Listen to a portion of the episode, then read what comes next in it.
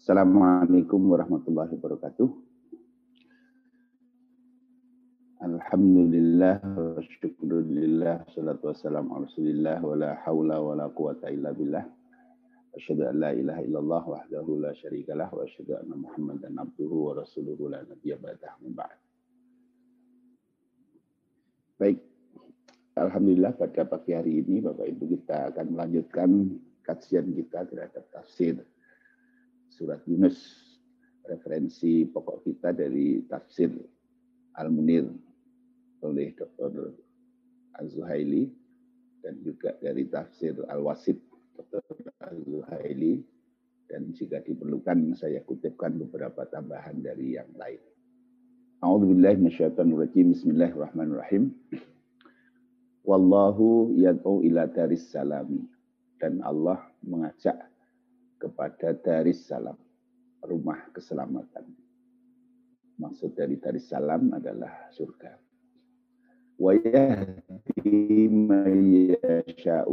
dan Allah memberi petunjuk kepada orang-orang yang beliau kehendaki ila siratil mustaqimin kepada jalan yang lurus.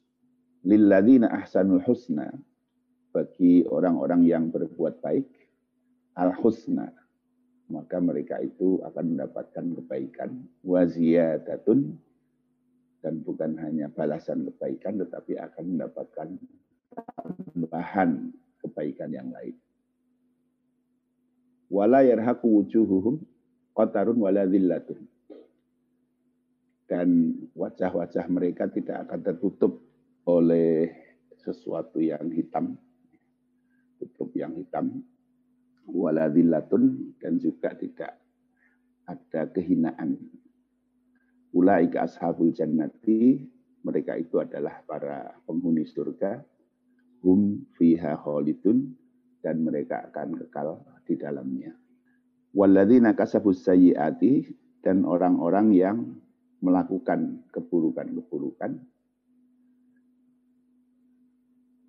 jaza usayyiatin misliha bimisliha maka bagi mereka itu balasan dengan keburukan yang setara dengan keburukan mereka. Watarhaquhum zillatun dan mereka akan diliputi tertutup oleh kehinaan. Malahum minallahi min asibin tidak ada bagi mereka pelindung dari Allah Subhanahu wa taala ka'annama usyiyat wujuhum qita'an minal laili mudlima seolah-olah wajah-wajah mereka tertutup oleh potongan malam yang gelap Ulaika sabun nari, mereka itu adalah para penghuni neraka, hum fiha khalidun, dan mereka itu akan kekal di dalam neraka itu. Sadaqallahul. Pertama al-munasabah. Jadi konteks ayat ini dengan ayat-ayat sebelumnya. Ba'da anna farallahu ta'ala al-ghafilina anil maili ila dunya bil misri sabik.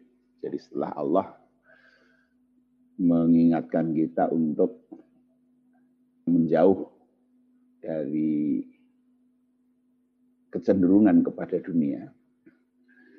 Jadi nafaro itu membuat orang lari, membuat orang-orang yang lalai dari Allah agar mereka itu menghindarkan diri dari kecenderungan kepada dunia. Bilmis lisabik dengan perumpamaan di dalam ayat sebelumnya bahum fil akhirati maka Allah mendorong mereka untuk berkecenderungan kepada akhirat. Wa wasafa halal muhsinina.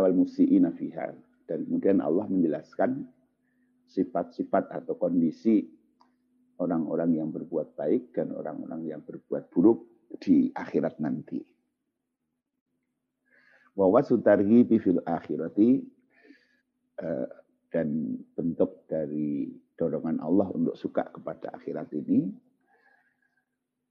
maru ya di Nabi SAW annahu qala apa yang diriwayatkan dari Nabi SAW bahwa beliau bersabda masali wa masalukum shib sayyidin perumpamaan antara aku dengan kalian ini seperti seorang tuan Banataron wa ama itatan.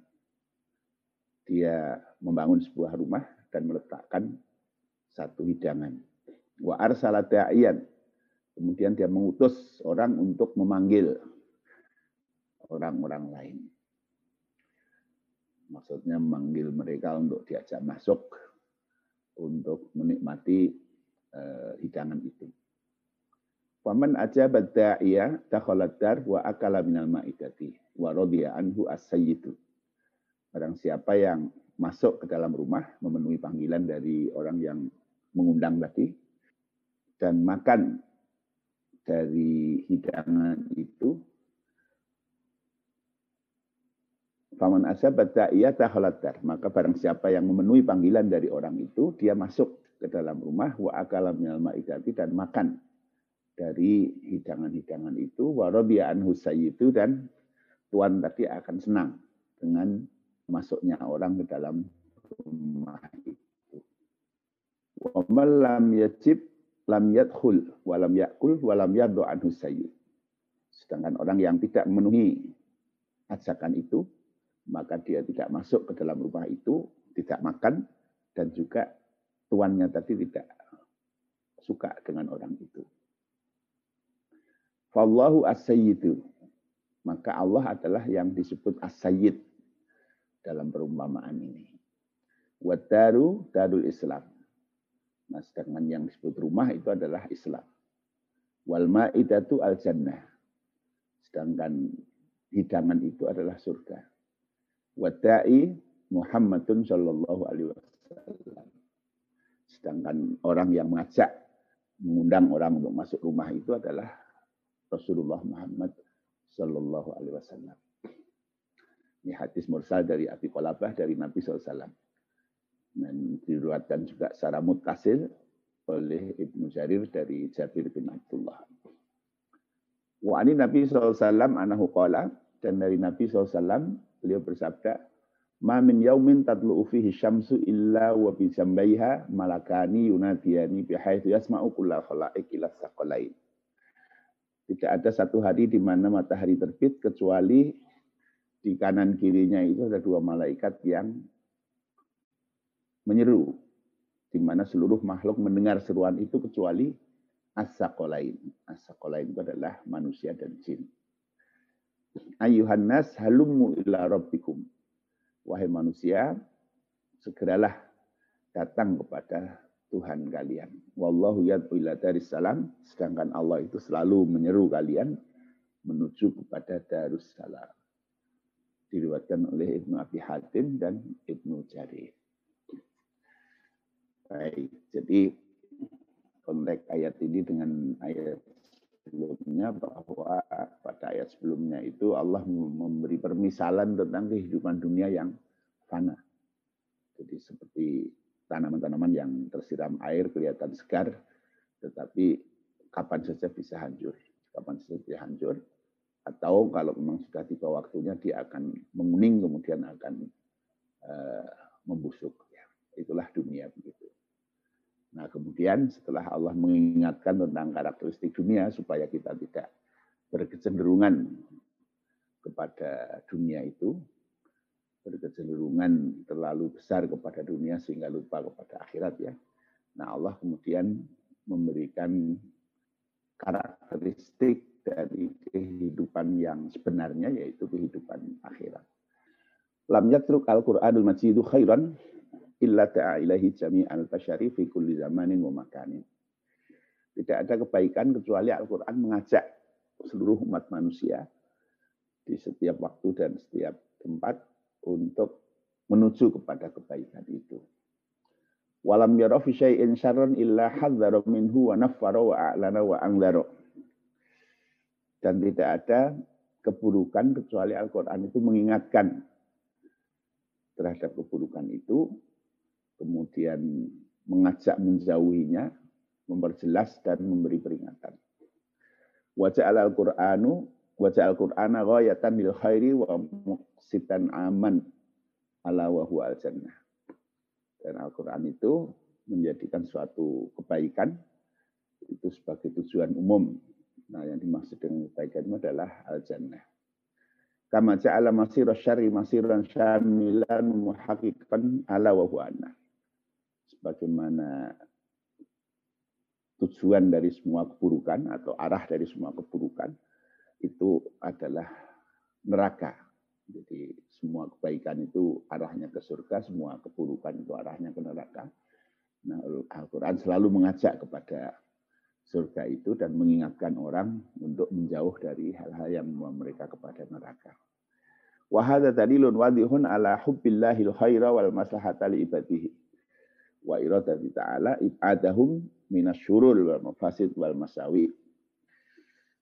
Nah ini menjadi sebuah bukti yang nyata bahwa Allah itu menyukai terhadap hamba-hambanya ini kebaikan dan kemaslahatan.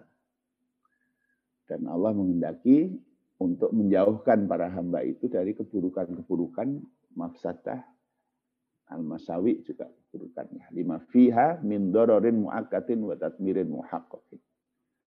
Karena di dalam seluruh kemafsadahan itu ada kemudorotan yang pasti ya dan kehancuran yang nyata.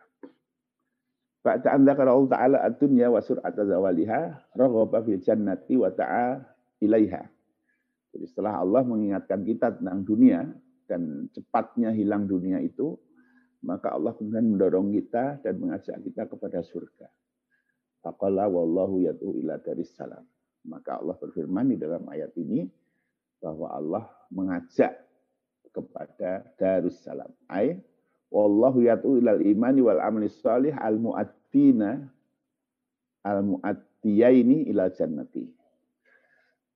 Jadi Allah mengajak kepada iman dan amal soleh yang keduanya itu akan membawa kita, menyampaikan kita kepada surga. Wasamma hadha rasalam li salamatiha anil afati wa syawaib wa naqais wal aqdar wa tuwahu ila salam. Nah, disebut sebagai darussalam surga itu karena surga itu terdapat keselamatan dari seluruh penyakit, segala kekurangan, segala hal yang tidak baik. Wa dari salam dan Allah menyeru kepada Darussalam. Wa amru bil imani amun di kulinas. Jadi perintah Allah untuk beriman itu berlaku umum bagi seluruh umat manusia. Wa yahdi ma yasha'u ayyuwaffiqahum ila tariqim mustaqim al-muwassal ila jannati wa huwa Islam aqaidahu wa akhlaqahu wa ahkamahu li'annahu at-tariq alladzi la iwaja fihi. Dan memberi hidayah kepada orang-orang yang dikehendaki. Nah, apa maksud dari yahdi ma yasha ayyuwaffiqahum ila tariqil mustaqim. Jadi membuat mereka itu menyesuaikannya, cocok kepada tariqil mustaqim menempatkan mereka kepada jalan yang lurus yang membawa mereka kepada surga. Nah, Toribul Mustaqim itu adalah dinul Islam, agama Islam ini. Akidahnya, akhlaknya, hukum-hukumnya. Karena sungguhnya Islam inilah jalan yang tidak ada sesuatu yang bengkok di dalamnya. Jalan lurus, ya, tidak ada sesuatu yang bengkok. Wal hidayatu khasatun masyiah ala arsil amri bil iman. Nah, hidayah ini dikhususkan kepada orang-orang yang beliau kehendaki. Berbeda dengan perintah beriman. Kalau perintah beriman untuk semua orang, tetapi tidak semua orang itu akan mendapatkan hidayah. Wa minal maklumi annal hidayata naw'ani hidayatun dalalatun amatun wa hiya amatun jami'in nas wa hiya iman wal islam. Jadi hidayah ini ada dua macam. Yang pertama adalah hidayah yang berupa petunjuk yang bersifat umum. Jadi semua orang dapat. Jadi ini adalah berlaku untuk semua manusia yaitu ajakan kepada iman dan Islam. Jadi di dalam Al-Quran ini terdapat sekian banyak ayat yang menyeru kepada seluruh umat manusia untuk beriman dan berpegang kepada Islam. Nah, tapi dari seruan Al-Quran yang semua untuk semua manusia ini tidak seluruhnya memenuhi. Nah, maka bagi yang memenuhi itu ada hidayah yang kedua, yaitu wa hidayah itu taufikin wa inayatin. Ada hidayah taufik dan inayah. Jadi ada hidayah yang berupa seruan umum untuk beriman dan berislam kepada siapa saja. Nah, tetapi tidak semua orang memenuhinya. Nah, bagi yang memenuhinya maka Allah akan berikan hidayah itu taufikin wa inayatin. Wahya khosatun bil mu'minin. Nah, hidayah taufik dan inayah ini dikhususkan bagi orang-orang yang mau beriman. Yuwaffiqahumullahu ila tariqil istiqamati wa yu'inuhum alal qiyami biwajibatiha wa adabiha.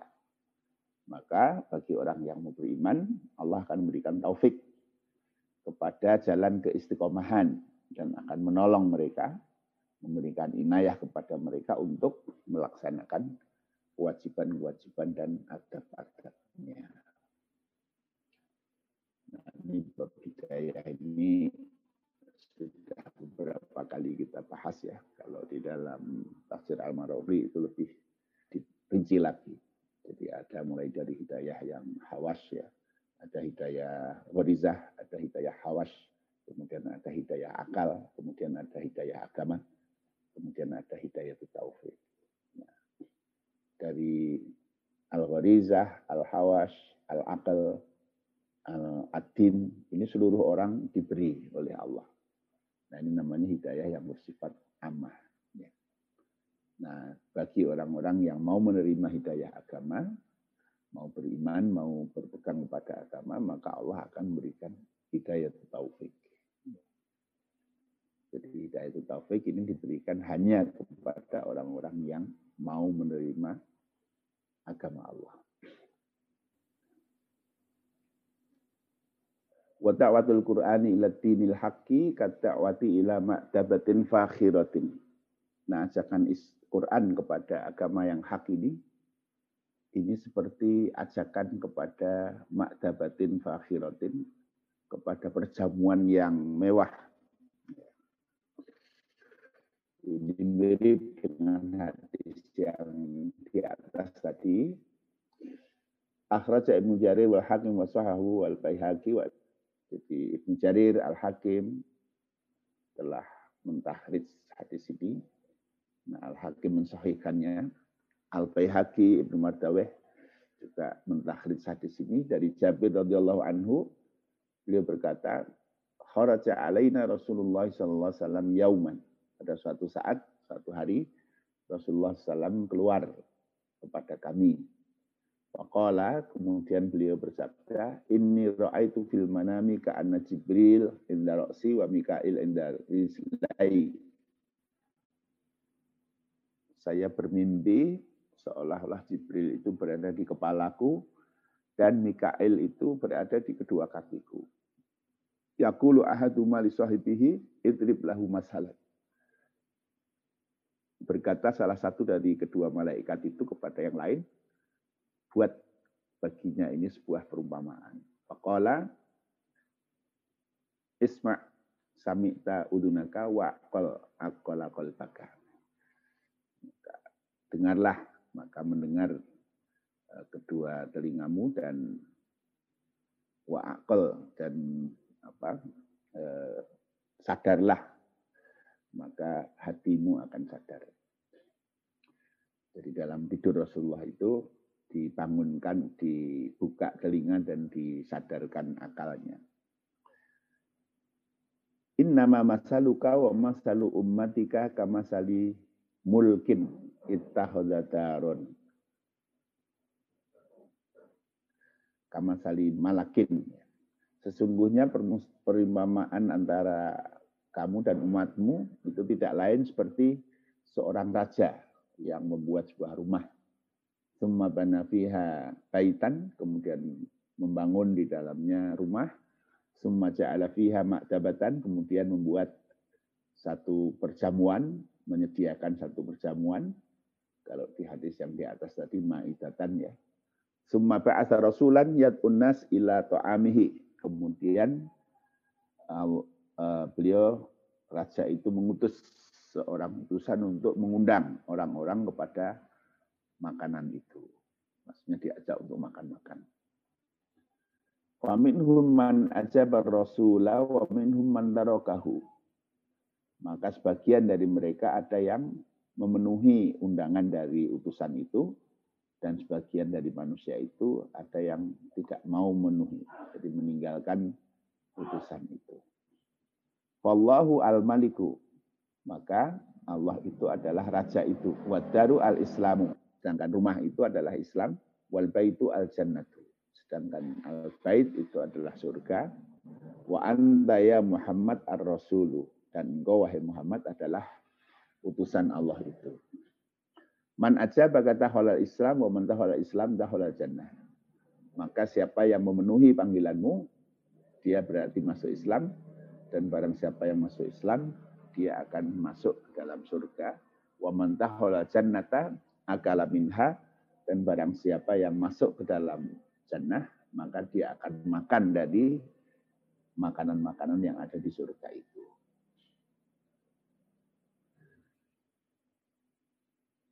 Nah ini sebuah perumpamaan sama dengan hadis yang di atas ya. Jadi Allah melalui para malaikat ini memberi sebuah perumpamaan bahwa ada seorang raja yang membangun sebuah rumah, menyediakan hidangan-hidangan yang mewah di dalam rumah itu, kemudian mengutus seseorang untuk menyeru, untuk mengundang orang-orang di luar rumah itu untuk masuk ke dalamnya. Nah, yang mau masuk dia akan menikmati hidangan itu yang tidak mau masuk maka berarti tidak mau menikmati hidangan itu. Nah, raja itu adalah Allah, rumah itu adalah Islam, kemudian al-bait itu adalah al-jannah, surga yang di dalamnya disediakan sekian banyak kenikmatan. Nah, sedangkan yang menyeru mengundang untuk masuk ke dalam rumah itu adalah Rasul, yaitu Rasulullah Sallallahu Alaihi Wasallam. Wasababu fi ta'watil Qur'ani lil aslami huwa mura'atu maslahatil mat'uwin. Nah, sebab Al-Quran menyeru kepada Islam, ini adalah dalam rangka memelihara kemaslahatan orang-orang yang diseru itu. Wa inna lilladzina ahsanul amala fid dunya bil imani wal amali shalih al matsubatal husna fid daril akhirati. Walahum aidan ziyadatun wahya an-nadharu ila wasillahi azza wa jalla. Maka bagi siapa saja yang berbuat amal soleh, amal baik di dunia ini dengan keimanan dan amal nah, maka akan mendapatkan imbalan yang baik di akhirat dan juga akan mendapatkan tambahan bukan sekedar imbalan yang baik dari Allah saja tetapi juga ada tambahannya lagi Nah tambahannya itu adalah an-nadhar ila wasillahi azza wa jalla. Nanti diberi kesempatan untuk melihat langsung kepada wajah Allah azza wa jalla. Rawa Ahmad wa Muslim wa jama'atul min al-a'immati ini nya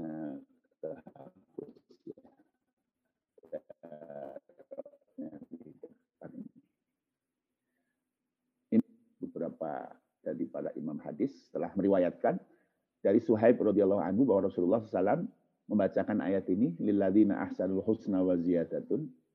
Wa qala dan beliau bersabda idza takhala ahlul jannati al jannata ketika para penghuni surga telah masuk ke dalam surga wa ahlu nari anaro dan telah masuk para penghuni neraka ke neraka nada munatin maka akan ada seorang penyeru yang menyeru, Ya ahlal jannati, wahai para penghuni surga, innalakum indallahi mau'idan yuridu ayyun jizakumuhu.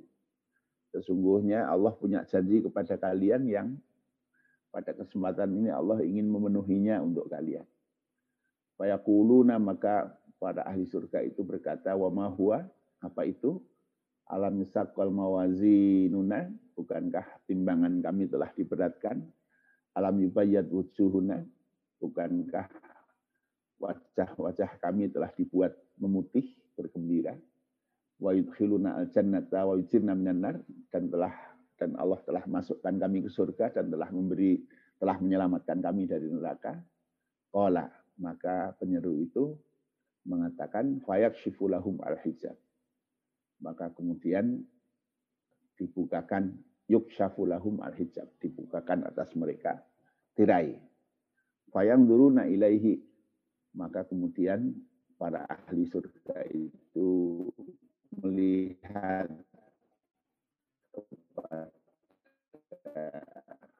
kepadanya kepada Allah. Wallahi ma'atahum ma'rali alim.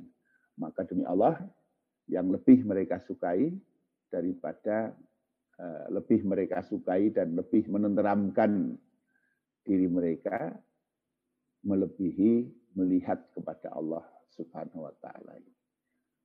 Jadi ini begitu mereka bisa melihat wajah Allah ini sudah kenikmatan yang sekian banyak itu seolah-olah sudah terlupakan. Ini kenikmatan tertinggi yang diberikan oleh Allah kepada ahli jannah. Mudah-mudahan nanti kita akan menjadi bagian dari mereka. Amin.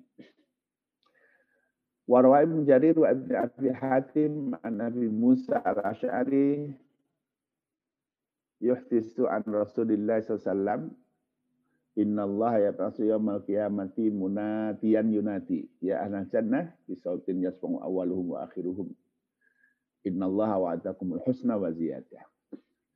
Diriwayatkan oleh Mujarir Ibnu Abi Hatim dari Musa al-Asy'ari yang menceritakan dari Rasulullah SAW bahwa Allah SWT akan bangkitkan di hari kiamat nanti seorang penyeru yang menyeru wahai ahli surga dengan suara yang keras yang didengar oleh awaluhum wa akhiruhum penghuni awal maupun akhir dari surga itu seluruh penghuni surga Innallaha wa'adakumul husna wa ziyadah. Sesungguhnya Allah telah menjanjikan pada kalian kebaikan dan tambahannya. Fal husna al jannatu. Nah, yang disebut al husna itu adalah surga itu sendiri. Dan itu sudah dinikmati dengan kenikmatan yang luar biasa oleh para ahli surga itu. Waziyadatu dan tambahannya itu adalah an-nadharu ila wasir rahman azza wa jalla yaitu melihat kepada wajah Ar-Rahman Azza wa Jalla, wajah Allah.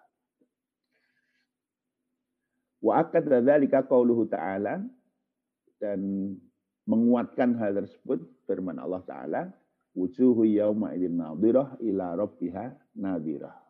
Surat Al-Qiyamah ayat 2223. Wujuhun ada wajah-wajah yauma idzin pada hari itu, pada hari akhir nanti, nadhiratun berseri-seri ila rabbiha nadhirah yang mereka itu wajah yang berseri-seri ini melihat kepada Tuhannya. Fa'asbat dari ahli nanti amro ini. Ahaduhuma nadhiratul wujuh wasani an-nadhar ilallah ta'ala. Maka di dalam ayat ini ahli jannah itu akan memiliki dua sifat yang ditetapkan oleh Allah. Yang pertama adalah nadratul wujuh, wajah yang berseri-seri. Wasani an-nadharu ilallah ta'ala. Yang kedua adalah mereka akan diberi kesempatan untuk melihat kepada Allah subhanahu wa ta'ala. Nah ini lilladzina ahsanul husna wa ziyadatun wala yarhaqu wujuhuhum qatarun wala dhillatun ay wala yakhsha wujuhum syai'un mimma yakhsha wujuhul kafarati minal ghubrati allati fiha sawat jadi layar haku wujuhuhum qatarun wala dhillatun jadi tidak akan wajah-wajah mereka itu ditutupi oleh sesuatu yang menutupi wajah-wajah orang kafir yaitu al-ghubrah allati fiha sawat debu-debu yang hitam wal hawan wasighar ay la yahsilu lahum ihanatun fil batin wala fil zahir. Jadi mereka tidak akan mendapatkan kehinaan sama sekali baik secara zahir maupun batin. Balhum kama qala ta'ala fi haqqihim fa waqahumullahu syarra dzalikal yaum wa laqahum nadrataw wa surura. Surat Ad-Dahr ayat 11 ya. Maka Allah menjaga mereka dari keburukan hari itu, keburukan hari kiamat walaqahum nadratan wasurura. Dan Allah akan mempertemukan mereka dengan wajah yang berseri-seri dan kebahagiaan. Ainat rotun fi wujuhihim wasururan fi qulubihim. Jadi wajah mereka berseri-seri dan hati mereka riang gembira. Wal sifatul awal al-qatar hiya al-madhkuratu fi qawlihi ta'ala wa wujuhun yawma idin 'alaiha ghabarah tarhaquha qatarah. Surat Abasa ayat 40 41. Jadi yang maksud dengan kotarun itu adalah sebagaimana yang disebutkan di dalam firman Allah surat Abasa ayat 40 41. Wa wujuhun yawma idin 'alaiha ghabarah. Dan ada wajah-wajah di mana hari itu akan penuh dengan debu. Tarhaquha qatarah yang diliputi oleh sesuatu yang menghitam. Ya, surat Abbas Wasifatus saniyah, jadi zillatun, situ walayar haku wujuhum kotarun wala zillatun. Nah, zillatun itu sebagaimana diterangkan oleh Allah, wujuhun yauma idin khosyi'ah, amilatun nasibah. Surat Al-Wasyiyah ayat 2 dan 3.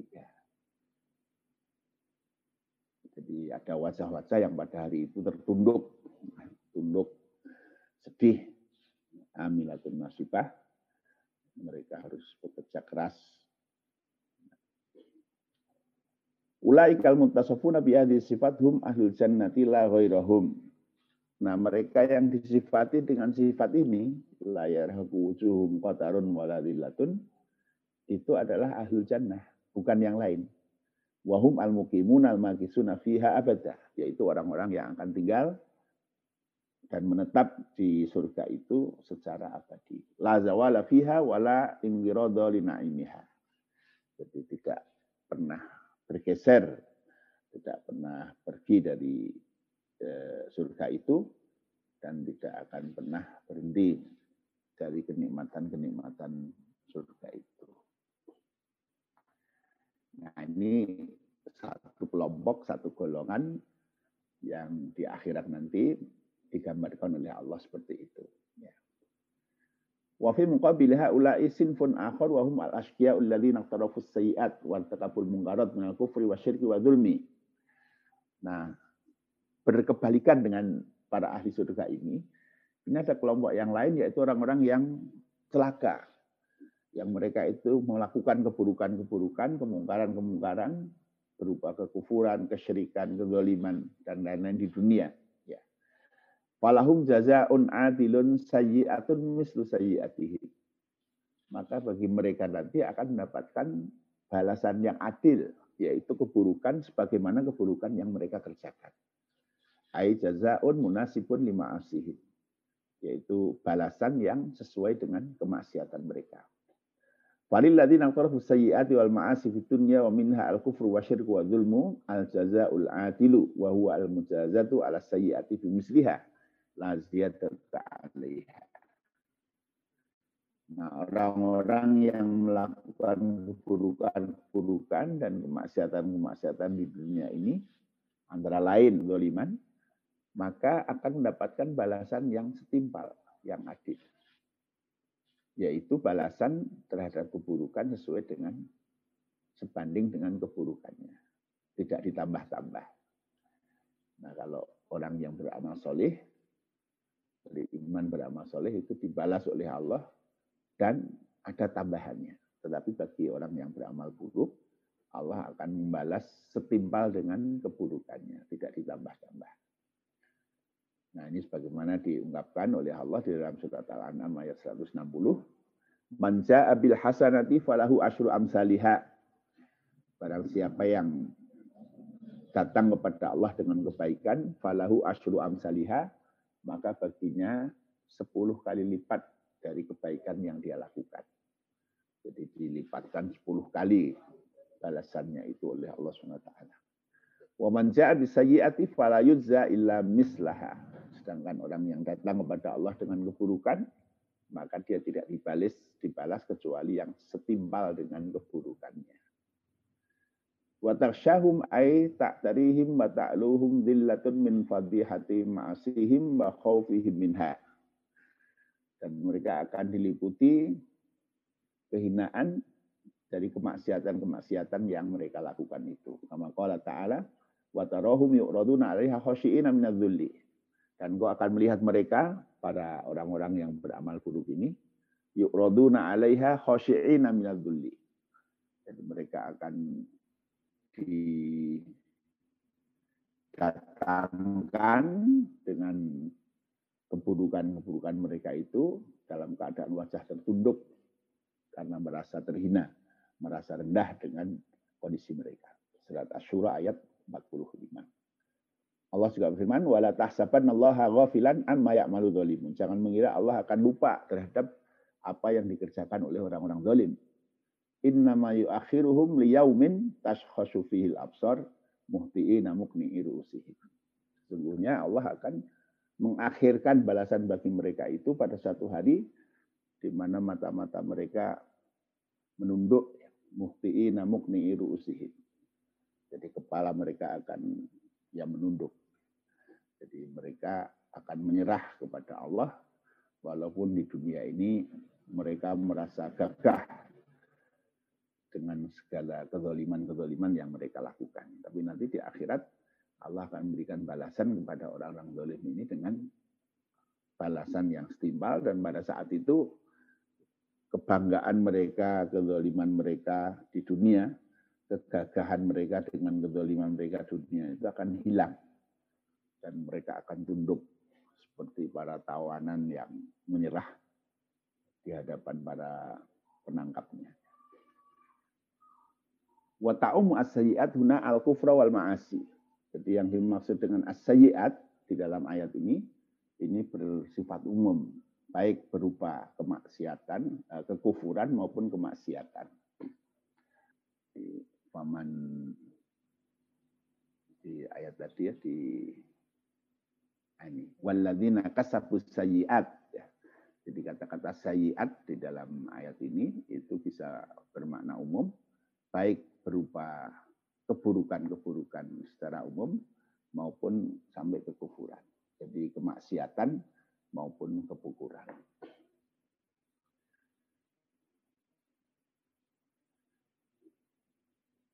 Fasayyatul kufri at-takhlidu finnar.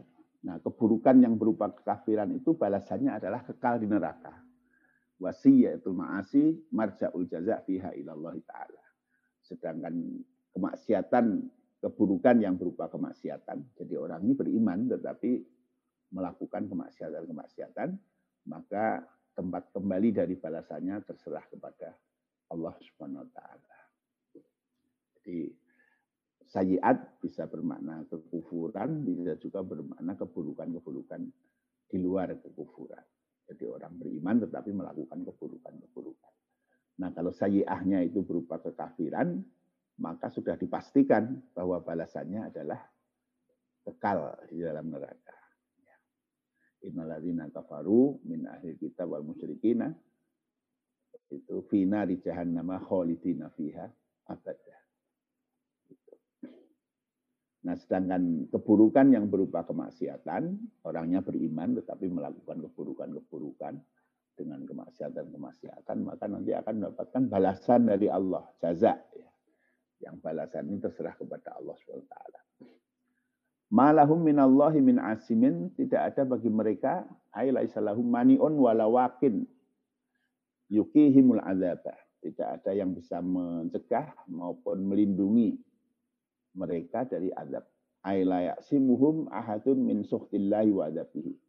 Tidak ada seorang pun yang bisa melindungi mereka dari kemarahan Allah dan azabnya. Sama qala ta'ala, sebagaimana firman Allah Ta'ala di dalam surat Al-Infitar ayat 19. Yauma la tamliku nafsun nafsin syai'a wal amru yauma idzin lillah.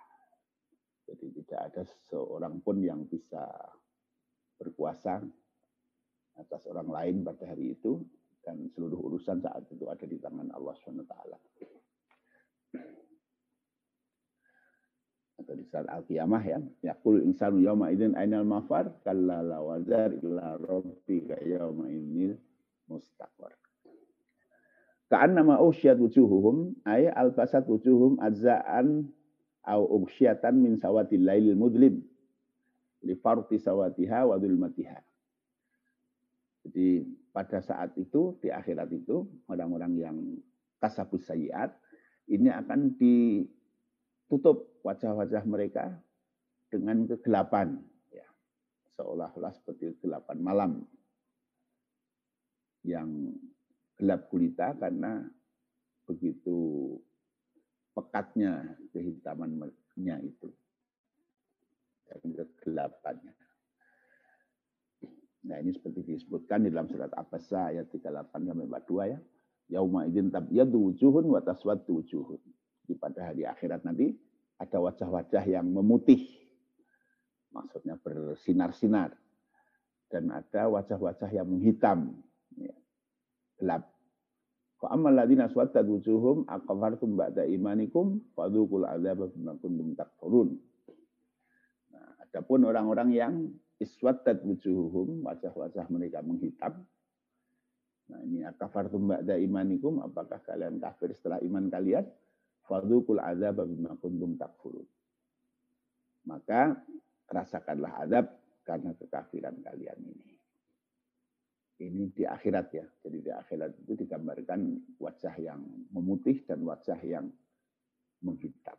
Bukan dunia. Kalau dunia ini urusan baik buruk manusia tidak ditentukan oleh warna wajahnya. Oh ini kalau wajahnya putih, ini ahli surga. Kalau wajahnya hitam, ini ahli neraka. Bukan itu. Kalau di dunia ini Allah memberi kita warna yang bermacam-macam. Ya.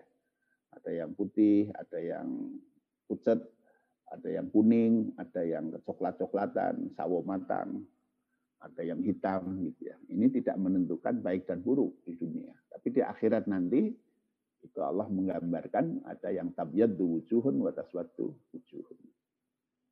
Nah, yang wajahnya menghitam di hari akhirat nanti, inilah para ahli neraka yang akan kekal di dalamnya.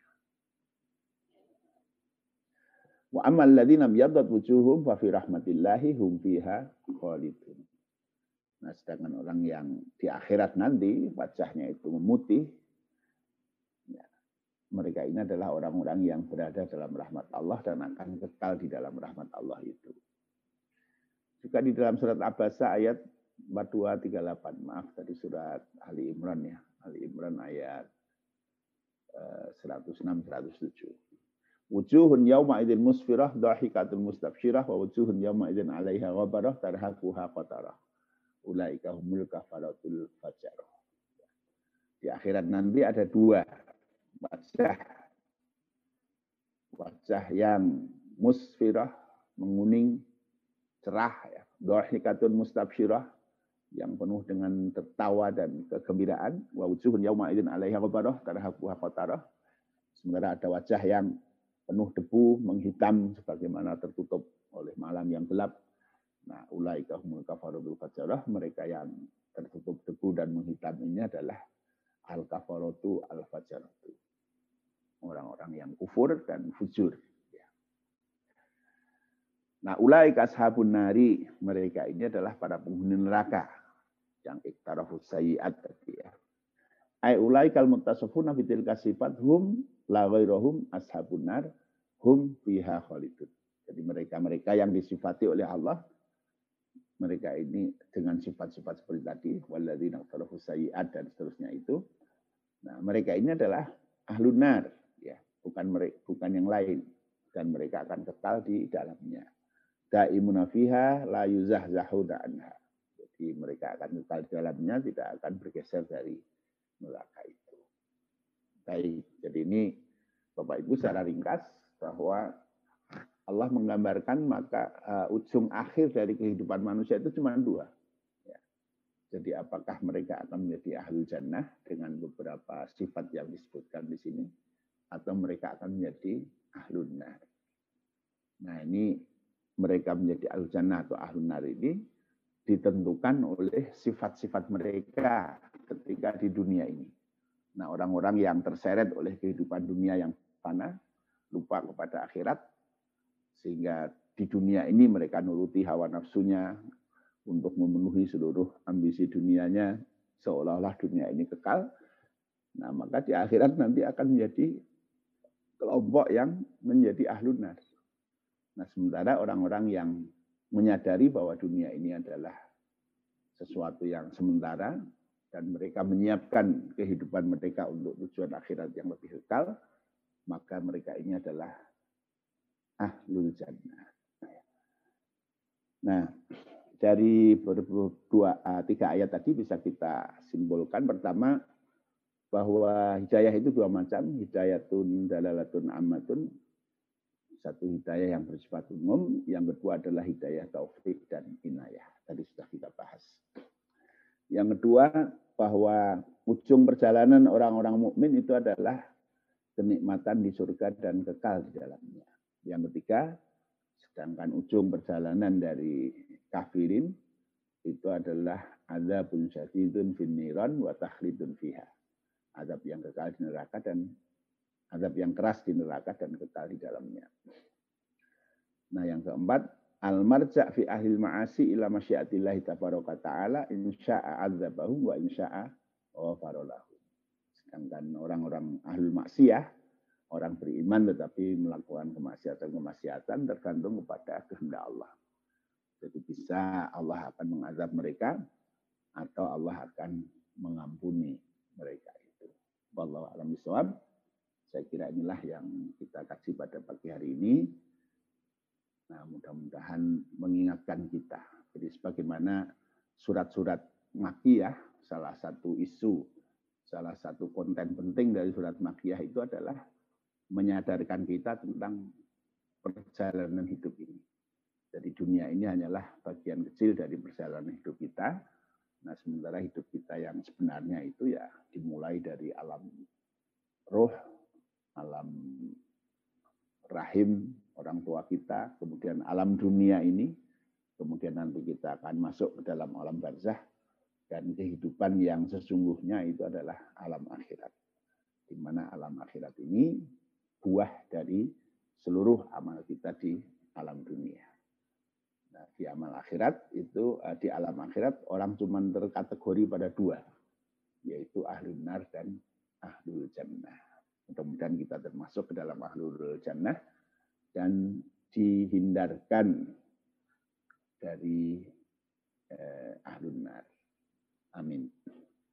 Demikian kajian pagi ini. Assalamualaikum warahmatullahi wabarakatuh.